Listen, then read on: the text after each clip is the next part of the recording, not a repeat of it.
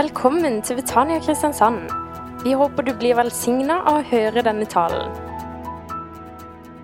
Jeg har lyst til å snakke litt i dag om eh, eh, snarveier. Jeg vet ikke om du er glad i snarveier. Jeg er eh, altfor glad i snarveier.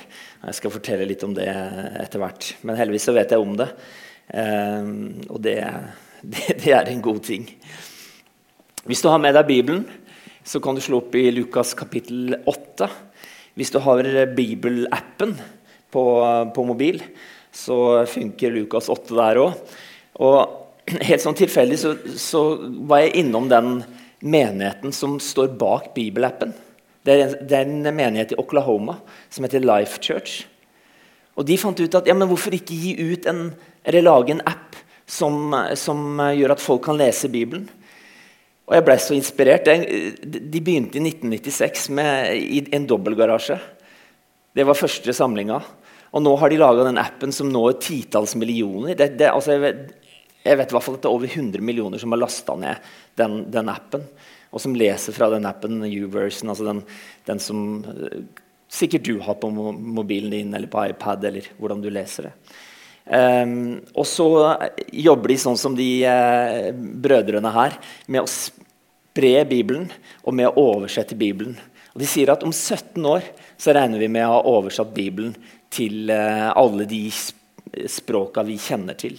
Altså bibeldeler, da. Uh, og det syns jeg òg er veldig spennende. Så evangeliet skal forkynnes for alle folkeslag, så skal enden komme. Det står det i Skriften. Ehm, så min, eh, min, overskrift i dag det, Du ser det er noen såkorn her. Og den ehm, eh, historien vi skal lese, den eh, burde egentlig ha hett jordsmonn. Jordsmonnet eller noe sånt som det, men den heter ikke det. Den heter Såmannen. Men allikevel. Eh, her, her, kommer den, så kan vi være uenige i overskrift. Det er ikke så, så veldig viktig. Ok, bli med meg. Mye folk strømmet nå til fra byene omkring. Da en stor mengde hadde samlet seg om han, så fortalte han en lignelse. En såmann gikk ut for å så kornet sitt, og da han sådde, falt noe ved veien. Det ble tråkket ned, og fuglene under himmelen kom og spiste det opp. Noe falt på steingrunn, og det visnet straks det kom opp, fordi de ikke fikk hvete. Noe falt blant tornebusker, og tornebuskene vokste opp sammen med det og kvalte det. Men noe falt i god jord, og det vokste opp, bar frukt, hele hundre ganger det som ble sådd. Da han hadde sagt dette, så ropte han ut, 'Den som har ører å høre med, hør!' Disiplene spurte om hva denne lignelsen betydde. Han svarte, 'Dere er det gitt å kjenne Guds rikes hemmeligheter.'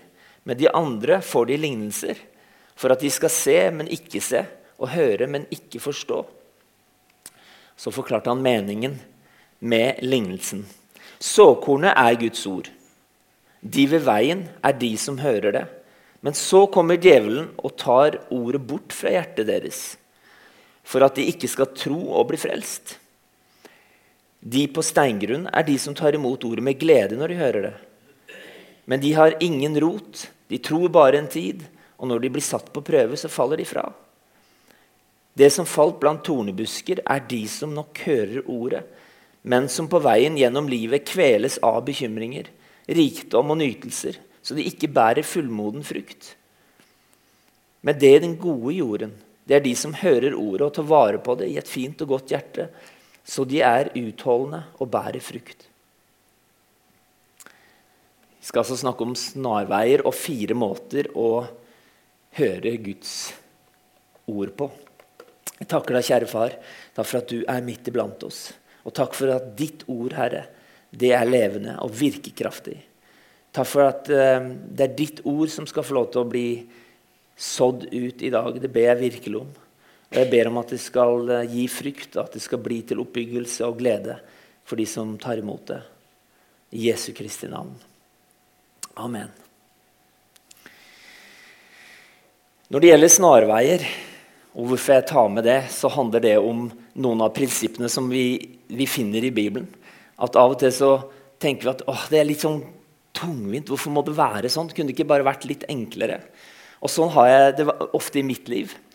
For eh, jeg vokste opp, eh, eller i hvert fall ungdomsåra, så hadde jeg eh, en periode hos mamma og pappa på et sted som hadde en utrolig fristende snarvei.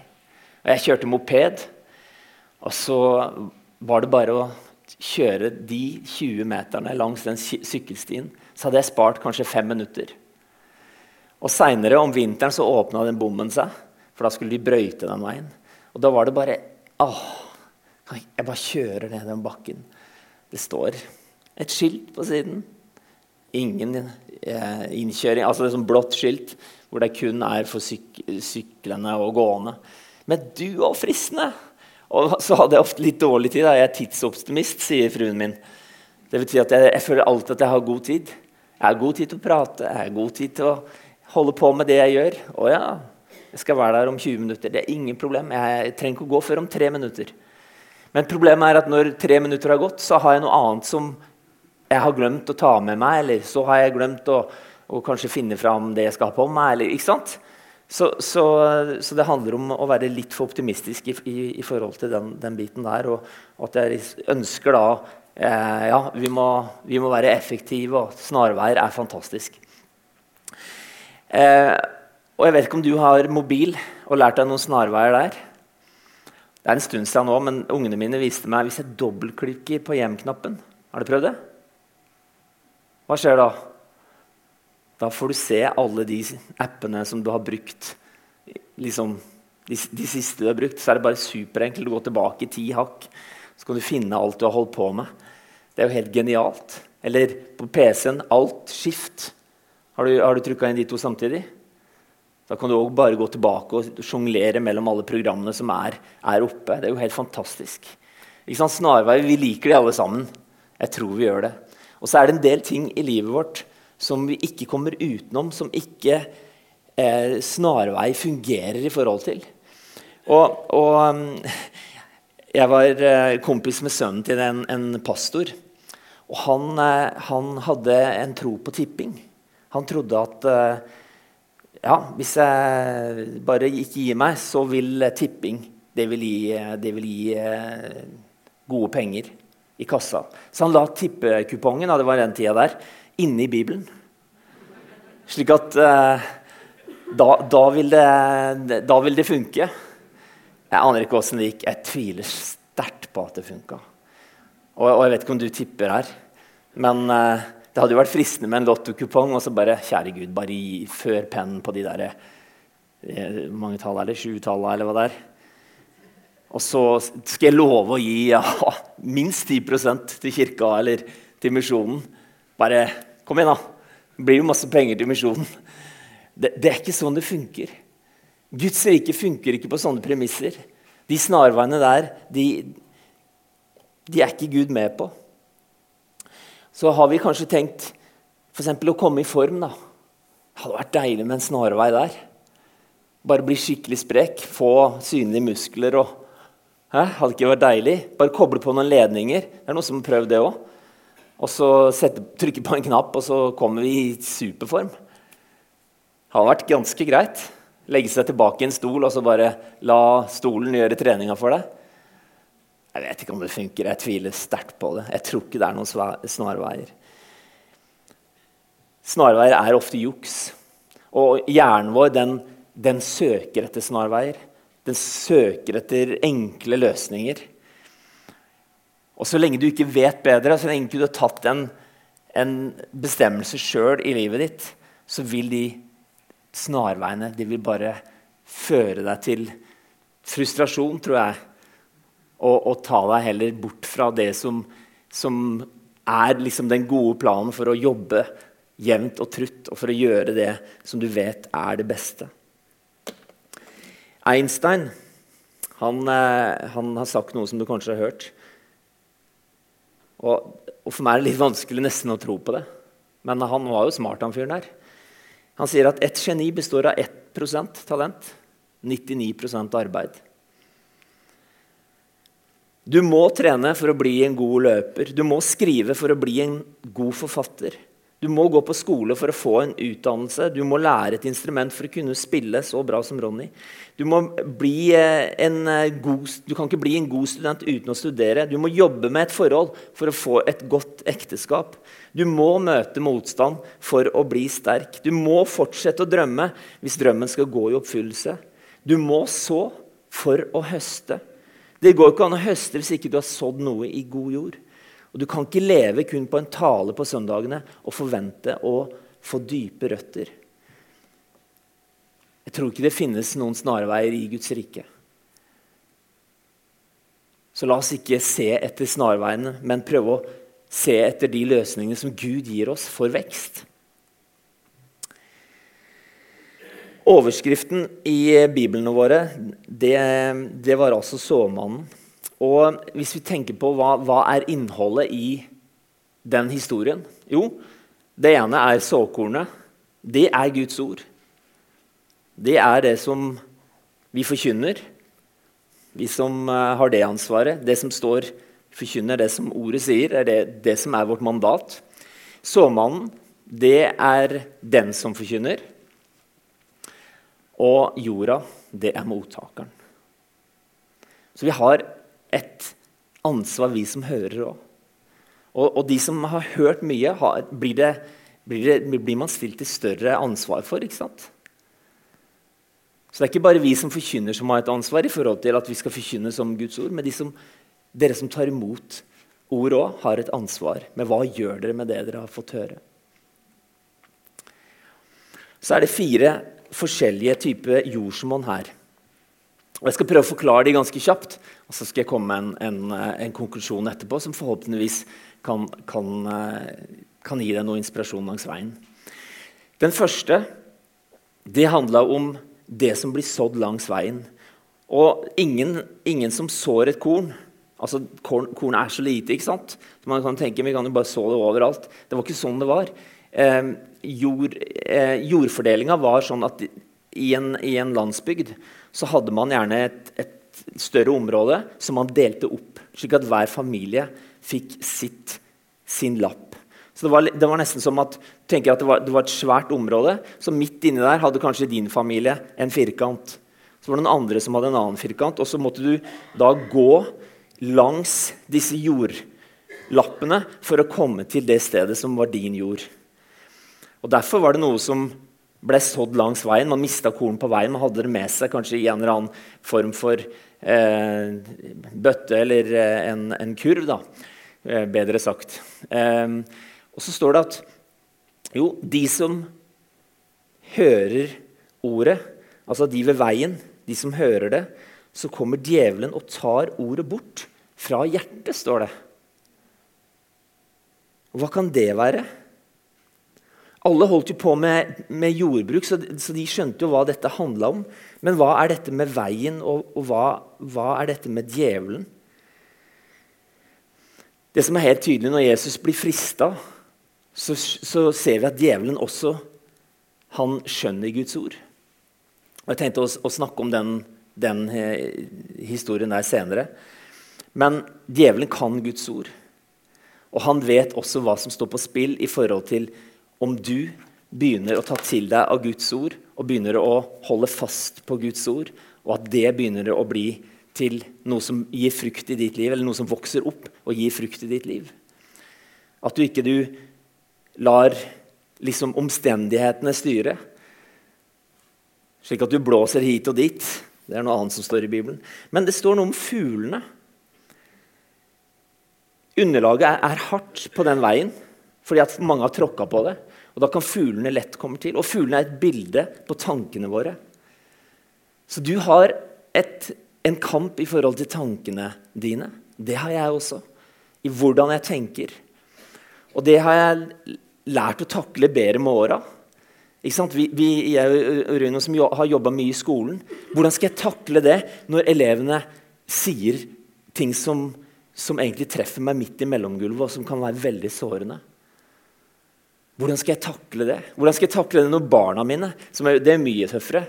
Hvis de sier ting som virkelig er beintøft for meg å høre, som kan, som kan treffe bare vondeste, den vondeste plassen Hvordan, hvordan skal jeg takle det? Jo, da må jeg takle det i tankene mine. Fordi at jeg ønsker å bevare hjertet mitt i forhold til de relasjoner som, som jeg har. Slik at ikke jeg begynner å skyve de fra meg. Men tankene våre de blir prøvd. Og tankene dine i forhold til hva Guds ord er, det er jo det første. Og eh, jeg tror i hvert fall det, er viktig å skjønne at det, denne boka her, uansett hva du tror om ufeilbarlighet og hva det måtte være, så må du forhåpentligvis bli med meg på det at denne boka er levende. Dette er Guds ord. Og når ordet var Gud, og ordet ble menneske, så, og tok bolig blant oss, så var det sånn at denne boka her, den ble det blåst liv i. Den er innblåst av Gud, står det. Paulus sier det. Og så gir den liv inn i ditt liv. En, en søndag i november i 2019 så er den boka levende. Men tankene våre, som da fuglene kan være et bilde på, så fort vi hører det, så får vi andre tanker, og det blir borte, og det blir verdiløst. Det andre er steingrunn. og Hvis du har vært i Midtøsten og, og reist litt der, så vil du se at uh, ok, jordbruk her, ja. Oi. Det så ikke sånn kjempefruktbar ut. Det er ikke Jæren og, og Hedmark, liksom. Det, det, det, alt ser ut litt sånn ørken, steinete-aktig ut. Og noe av jordsmonnet vil være dårlig. Altså det, det, det, gikk ikke an å kultivere jorda så bra at alt blei liksom den, den, beste jorda. Det som faller på steingrunn, er de som tar imot ordet med glede når de hører det. Men det har ingen rot. De tror bare en tid. Og når det blir satt på prøve, så faller de fra. Og jeg tenker på på de 70% av eh, barn og ungdom som, som eh, vokser opp i kirka, når de blir fra 18 og utover, så velger de noe annet enn menighet. Så velger de noe annet enn å tro på Gud. Og det kan jo være fordi at røttene Det handla kanskje om en aktivitet, eller det handla om, om eh, kanskje et, sosial, eh, et sosialt fellesskap som kan være kjempefint. Aktiviteten kan være helt topp. Men hvilke røtter er det vi, vi eh, opplever når, når mennesker da, som, som, vi tenkte ja, men Du har vært på søndagsskolen, og du, du har liksom vært, alltid vært her. så Hvorfor ikke hvorfor, hvorfor, du, hvorfor er ikke menighet relevant for deg lenger? For 70% i Norge så er det sånn. Og, og, og, jeg har bestemt meg for at det skal stoppe med, med meg. Altså Jeg skal kjempe um, det jeg kan for at ikke det skal skje igjen. Og hvorfor, hvorfor, hvorfor, skal jeg kjempe den kampen? Jo, fordi jeg har opplevd hvem Jesus er. Jeg har opplevd at Jesus han er en realitet. Jeg har opplevd at Å ha han med i hverdagen det er det smarteste jeg noensinne har funnet på. Når han kom inn i mitt liv, og når han grep meg, da har jeg opplevd en kjærlighet og en trygghet og en fred som ikke kan sammenlignes med noen ting. Og Jeg har vært så inspirert av Kanye West, en, en rapper. og jeg tror Han sier han, han var på, på et sånn uh, late night-show inne i et fly. Og så, og så, prøvde han å forklare han hosten. da, og det, det, jeg så bare Etter to dager så var det ti millioner treff. Så har han et fantastisk vitnesbyrd. Vet du hva han sier for noe? Jo, han sier at vet du hva? Før så var det som jeg sov. Jeg var levende. Jeg eksisterte. Men jeg hadde på en måte øynene igjen. Og jeg skjønte ikke hva som foregikk rundt meg. Idet jeg tok imot Jesus, så var det som øynene ble åpna, og jeg kunne se. Jeg skjønte plutselig hvem jeg var, at jeg var en del av bare en, en, en helt større, en stor eh, Å leve for noe som var mye større. Og jeg, jeg jeg kunne plutselig se hvorfor jeg var plassert sammen med mennesker. Jeg kunne plutselig skjønne hva familie handlet om. Ja, men det handler om at jeg skal elske mine barn, at jeg skal ta vare på dem, at jeg skal gi dem det beste jeg har. Ikke sant? Altså, jeg syns det var et godt bilde. Det er som å få øynene opp. Og hvis de menneskene vi, vi, vi er sammen med, og, og, som er en del av, av vårt fellesskap og vår verden Hvis vi kan være sånne som som hjelper de til å få øynene opp for å forstå at Jesus, han lever. Han er faktisk Herren. Han er den som, som har rørt oss. Og gjennom Den hellige ånd så kan vi møte ham. Så fort ble, vi ble satt på en prøve, så forsvinner de. Da Nei, det var ikke så gøy. Og jeg har møtt mange sånne. Og, og, og jeg vil bare være glad i de, og, og, selv om det kan være skuffende ikke sant? Å møte på, på, de som Ja, men det var, det var, greit det å være med her, men, men nå, nå har jeg noe annet som er bedre. Jeg tror ikke det er noe som er bedre enn å satse på Guds rike. Ok, Nummer tre det var tornebuskene. De som hører ordet, men som på veien gjennom livet kveles av bekymringer, rikdom og nytelser, så de ikke bærer fullmoden frukt. Torner og tistler det slår aldri feil. Ugresset kommer alltid. Jeg vet ikke om du har jobba mye med havet. Jeg er ikke sånn supergod. Og, og eh, min eh, kone hun eh, er utdanna blomsterdekoratør og har, har, en veldig sånn feeling i forhold til blomster og kan kutte ikke sant? Du har bare det håndlaget. Mens, mens jeg, ble, jeg har ikke peiling, egentlig, på, på sånne ting. Og jeg, og jeg blei så ufattelig overraska. Hun bare sender meg ut sant, i haven. Så må du gjøre det. Nå må det kalkes, nå må det gjødsles, det må klippes. Hei, hei, nå må det klippes. Ja, men Og så får vi barn etter hvert. Så kan jo de hjelpe til litt, eh, forhåpentligvis, en sjelden gang. Eh, med trusler og insentiver. Eh, og, og, så, og, så, ble jeg veldig forbausa. Eh, for jeg tenkte at plenen liksom, den skal være så grønn og fin, og den skal være liksom vårt ansikt utad. Men uh, så sa, sier hun, når ungene liksom vokste til liksom, ja, men den plenen den, den må være en bruksplen. bruksplen? Hører jeg riktig, liksom? Jeg må bare si en gang til. Bruksplen Ja, det er, spill fotball og ha det gøy, og den, den må brukes. Hæ? Jeg trodde den skulle være liksom sånn, sånn golf sånn green fee-greie. Eller sånn green Green heter det på golfspråket. ja. Um, nei da, det, det, skulle være en bruksplen. Og jeg har bare vært så happy. Jeg, å, jeg er ikke rundt og tar opp de her løvetannene og, det eller hva det heter, og, og alt ugresset. Jeg trenger ikke å ta det opp. Men jeg skal love deg det finnes. Og det kommer mose, og det kommer alt mulig på den plenen. Men vi bruker den og, og er happy for det.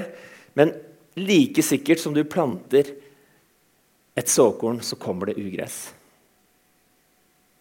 Har du opplevd det? Jeg er ganske, jeg er ganske så sikker. Og det står her at ugresset her, det handler om bekymringer. Det handler om rikdommen. Altså Det er ikke noe galt i rikdommer. rikdommen. Fordi at eh, rikdom er helt topp, det, hvis du forvalter det riktig. Bekymringer er eh, ikke topp. Fordi at eh, Jesus sier 'kast bekymringene på, på, meg', sier han. Og nytelser jeg, jeg skal aldri glemme en, en, eh, en, kjent leder i Norge. Han hadde en tale i kirka vår for mange år siden om å nyte livet. Jeg tenkte du har ikke skjønt Bibelen. Vi skal jo ta vårt kors opp. Og, vi skal dø hver dag. Og eh, vi skal huske de som sitter i lenker, og, og vi skal liksom ta på oss Kristi lidelser. Men så har han et kjempepoeng. Og det handler mer om å glede seg over livet og, og, og gripe dagen, tror jeg, som er kjempeviktig. Men nytelse i den forstand at, at du bare lar livet seile av gårde i sus og dys, det kan også ta bort det som Gud taler til deg, det ordet som, som han eh, gir deg. Og da får ikke ordet rot, men det blir spist opp, står det her. Det handler om fokus. Og hvorfor, hvorfor lever du? Har du stilt deg det spørsmålet først og fremst? Hvorfor lever du? Hvorfor har du fått den sjansen her på jorda? Hvorfor blei du akkurat du? Du vant jo den kampen mellom eh, hundretusenvis av andre idet den der sæden og egget smelta sammen. Du er allerede en vanvittig vinner. Du vet det? Du har vunnet en knallhard konkurranse. Så blei du akkurat du. Og hvorfor blei det sånn? Og, og, mitt svar på det blir eh, sikkert et, eh, Et svar som ikke kanskje gir deg sånn veldig mye å, å rope hurra for. Men for meg handler det om å leve til Guds ære. Jeg ønsker å leve til Guds ære. Det gir meg mening. Og da vil jeg ikke la de tinga som, som kommer imot oss, folkens, og de tinga som frister oss, nemlig det som har med rikdom å gjøre, det som har med bekymringer å gjøre, det som har med å ikke være målbevisst og, og lage seg gode eh, vaner i livet, f.eks. Hvis vi kan bruke det som et, noe annet enn nytelse. Eller som en motpol til nytelse.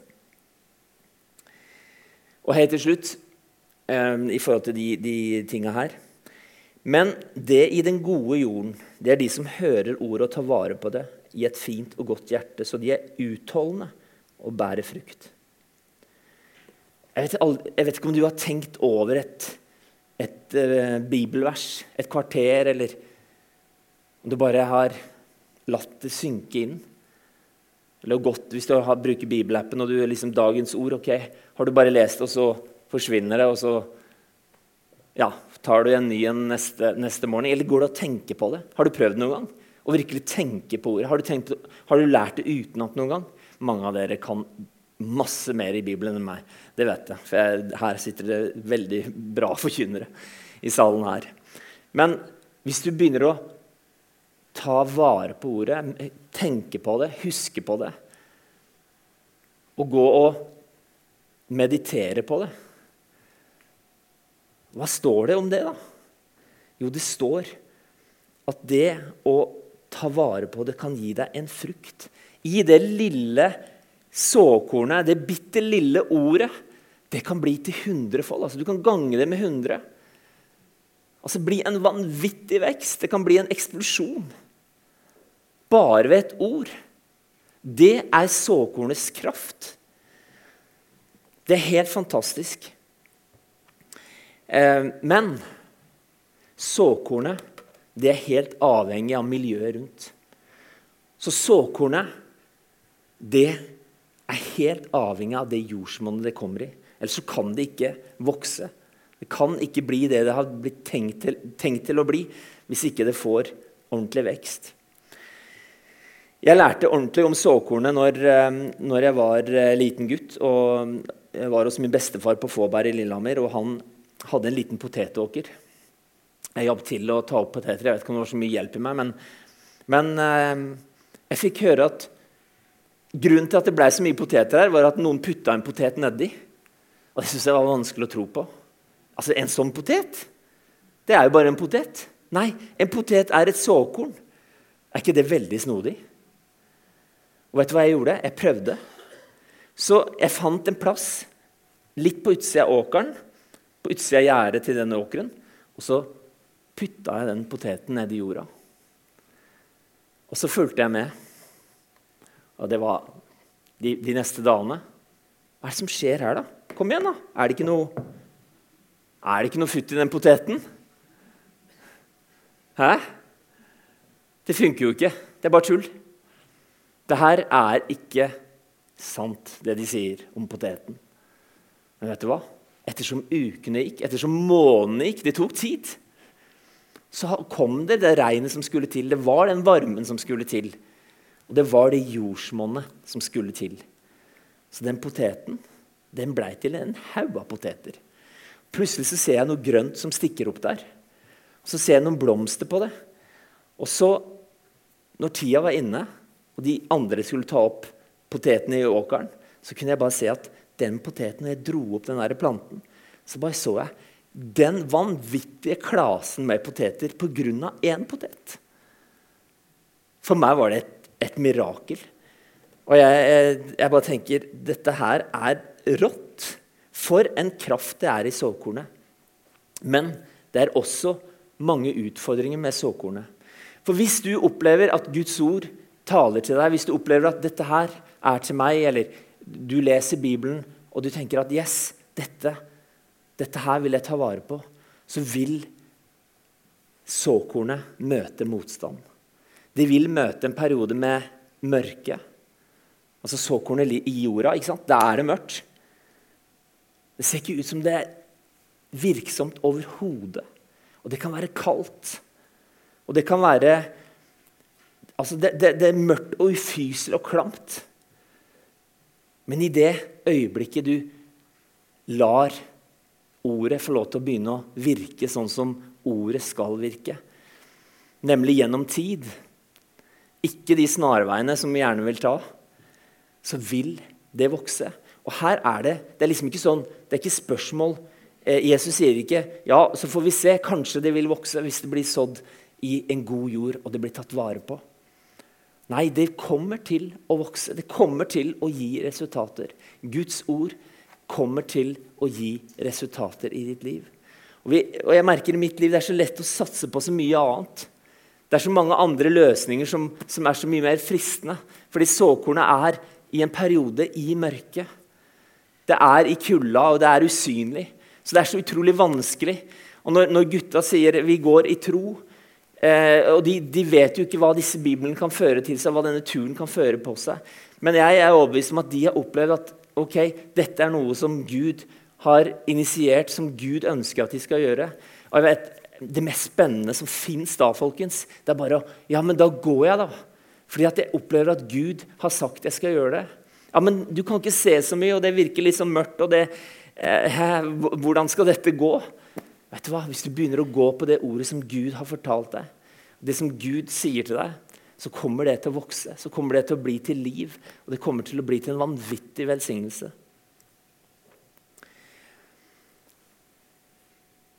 Jesus sier at hvis ikke Og det her i parallellteksten, denne, lignelsen står i, i, alle de tre syn, altså synoptikerne, Matteus, Markus og Lukas.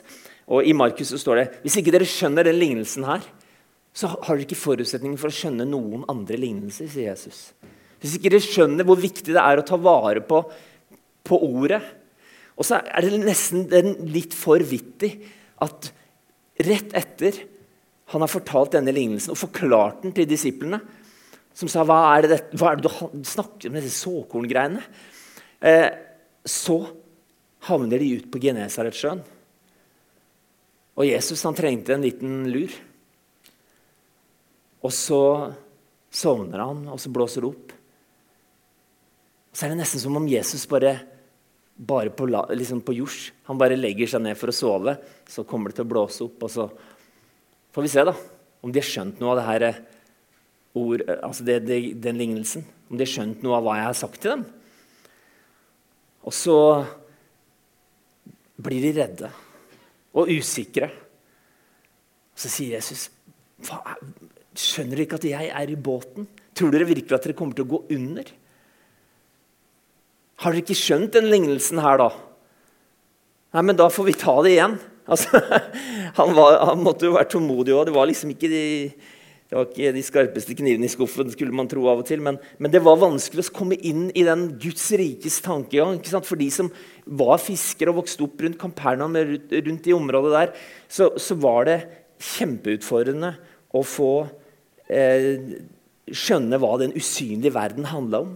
Å få blikket bort fra liksom dette med fiske og, og, det med kanskje med gårdsbruk eller med, han, hadde jo, han hadde toller med seg. altså De der materielle tingene. ikke sant, Å få det inn i ja, men det er noe, den usynlige verden der ute. Hvis dere bare stoler på såkornet, så kommer det til å gi vekst. Hvis dere stoler på meg og mitt ord, så kommer det til å gi resultater.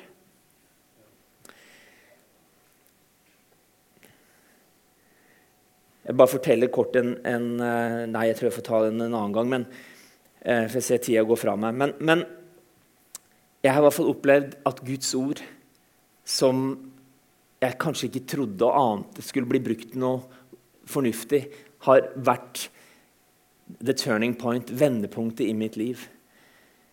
Og Det er ikke fordi at jeg har fortjent det, fordi jeg lever noe bedre enn deg. for det gjør jeg absolutt ikke. Men jeg har fått med meg fra min far, som, som, eh, som sa at vet du hva, vi tar familiesamlinger og så lærer vi oss Guds ord. Så skal vi lære det utenat. Det gjør at jeg kan mange bibelvers utenat. Og når jeg trengte det som mest, så kom det verset til meg. Herren er min hyrde. Jeg mangler ingenting. Når menigheten holdt på å gå under, og vi var kanskje 20 stykker igjen, og jeg hadde stått på scenen og spilt eh, sikkert flere hundre ganger og, og, og, var ung og lovende og tenkte at det, dette her, nå skal vi innta Sørlandet. Og så plutselig så forsvant alle sammen. Det var én musiker igjen, og han var 50 år. Og det var liksom ikke sånn kjempegøy når du var 20. Spille med en som blunka, blunka, gunka, gunka, Og jeg skal, skal vi ikke gruve litt? Og så, men vet du hva? Og, tenk, og jeg tenkte ikke nå må, nå må, jeg få et ord. Jeg tenkte ikke på det i det hele tatt. Men vet du hva? ordet kom til meg. For det hadde fått blitt sådd. Og det var usynlig kjempelenge. Det betydde egentlig ikke noe annet for meg enn at jeg kunne det utenat. hele den salmen der. Men den salmen kom til meg og blei til liv for meg. Herren er min hyrde. Ok, han vil jo lede. Jeg mangler ingenting. Ha, det kan du si. Nei, men jeg vet hva, jeg opplevde at det var sant. Han la meg ligge i grønne enger når livet var skikkelig kjipt. Ja, jeg kan hvile hos deg, Gud. Og så videre så kunne jeg ha, ha tatt, tatt den, eh, den, salmen der eh, for meg. Vet dere hva? Bibelen sier at vi skal så det såkornet vi har fått. Du har såkorn. Du har opplevd noe som verden trenger. Og du har Guds ord i deg. Og ikke vær redd for å så det ut. Ikke vær redd for å så det ut resten av denne dagen eller i morgen hvis du skal på jobb eller når du er med familie og venner og i din verden. Så ut ordet, for du vet ikke hva som skal lykkes. Hvilke av de ordene du deler ut, som, som kommer til å bli til liv. Jesus døde ikke på en fredag. Hvis vi snakker om påsken. Jesus døde ikke på en fredag. Vet du hva som skjedde? Han ble plantet på en fredag. Ser dere bildet? Han ble den førstefødte av en ny slekt og ble herre over alle ting. Han ble plantet på fredagen, og den tredje dagen i grava, i jorda, så ble det ja, Hvis vi tar bildet med jorda, da. Ble, jeg vet han ble lagt i en sånn steingreie. Men, men så ble det til nytt liv for alle mennesker. Han ble plantet på fredag. Når vi trodde at OK, nå, nå, går, nå går, det under. Med hele den der forventningen vi hadde om at Messias var kommet. Nei, vet du hva? Han døde ikke, han ble planta. For på den tredje dagen så vokste det livet opp det såkornet som var hele hans liv, som var hele hans virke. Hvis du ser bildet, så blei det til liv for alle mennesker. Så blei det til en sånn fantastisk velsignelse. Fordi han var villig til å være et såkorn til å dø. Og det er vår utfordring og folkens i dag. Det finnes ingen snarveier med et såkorn, men såkornet, det vet vi er levende. Og det har sprengkraft i seg. Guds ord er levende. Og det Den hellige ånd taler til deg, det er også Guds ord som er levende. Og du kan få lov til å være med og gi det såkornet der hvor du er. Og det kan bli til liv for andre mennesker. Skal vi be sammen? Takk, Gud. Takk for at vi kunne dele ditt ord, og takk for at ditt ord, det er sannhet. Og jeg ber virkelig om at den sannheten som som du ønsker vi skal forstå i dag, Herre. La det være til liv til de menneskene som tar imot. Takk for det. Takk for det du har hørt min bønn. Og Jeg ber virkelig om at Den hellige ånd må få lov til å, å, virke på hver enkelt som er her inne, slik at vi, vi tar imot ditt ord og, og, lar det få lov til å få spirekraft og, og få lov til å bli virksom i oss. La oss ikke bli kasta rundt av hva denne verden kan by på, hva, hva denne verden kan, kan gi oss. Det er utrolig mye fint. Men Jesus, la, la oss være planta i din menighet. La oss være planta i ordet. Og hjelp oss til å prioritere det viktigste av alt, nemlig å, å la ditt ord få lov til å bli virksom i våre liv. Jesus, la, la, denne uka her bli en god uke for oss alle. La denne uka eh, gi oss, altså hjelp oss ta vare på de mulighetene denne uka gir oss i forhold til møte med mennesker, i forhold til å så ditt ord ut. Det ber jeg om i Jesu navn. Amen. Du har nå hørt en tale fra Betania Kristiansand. For mer informasjon kan du besøke våre hjemmesider på betaniakrs.no.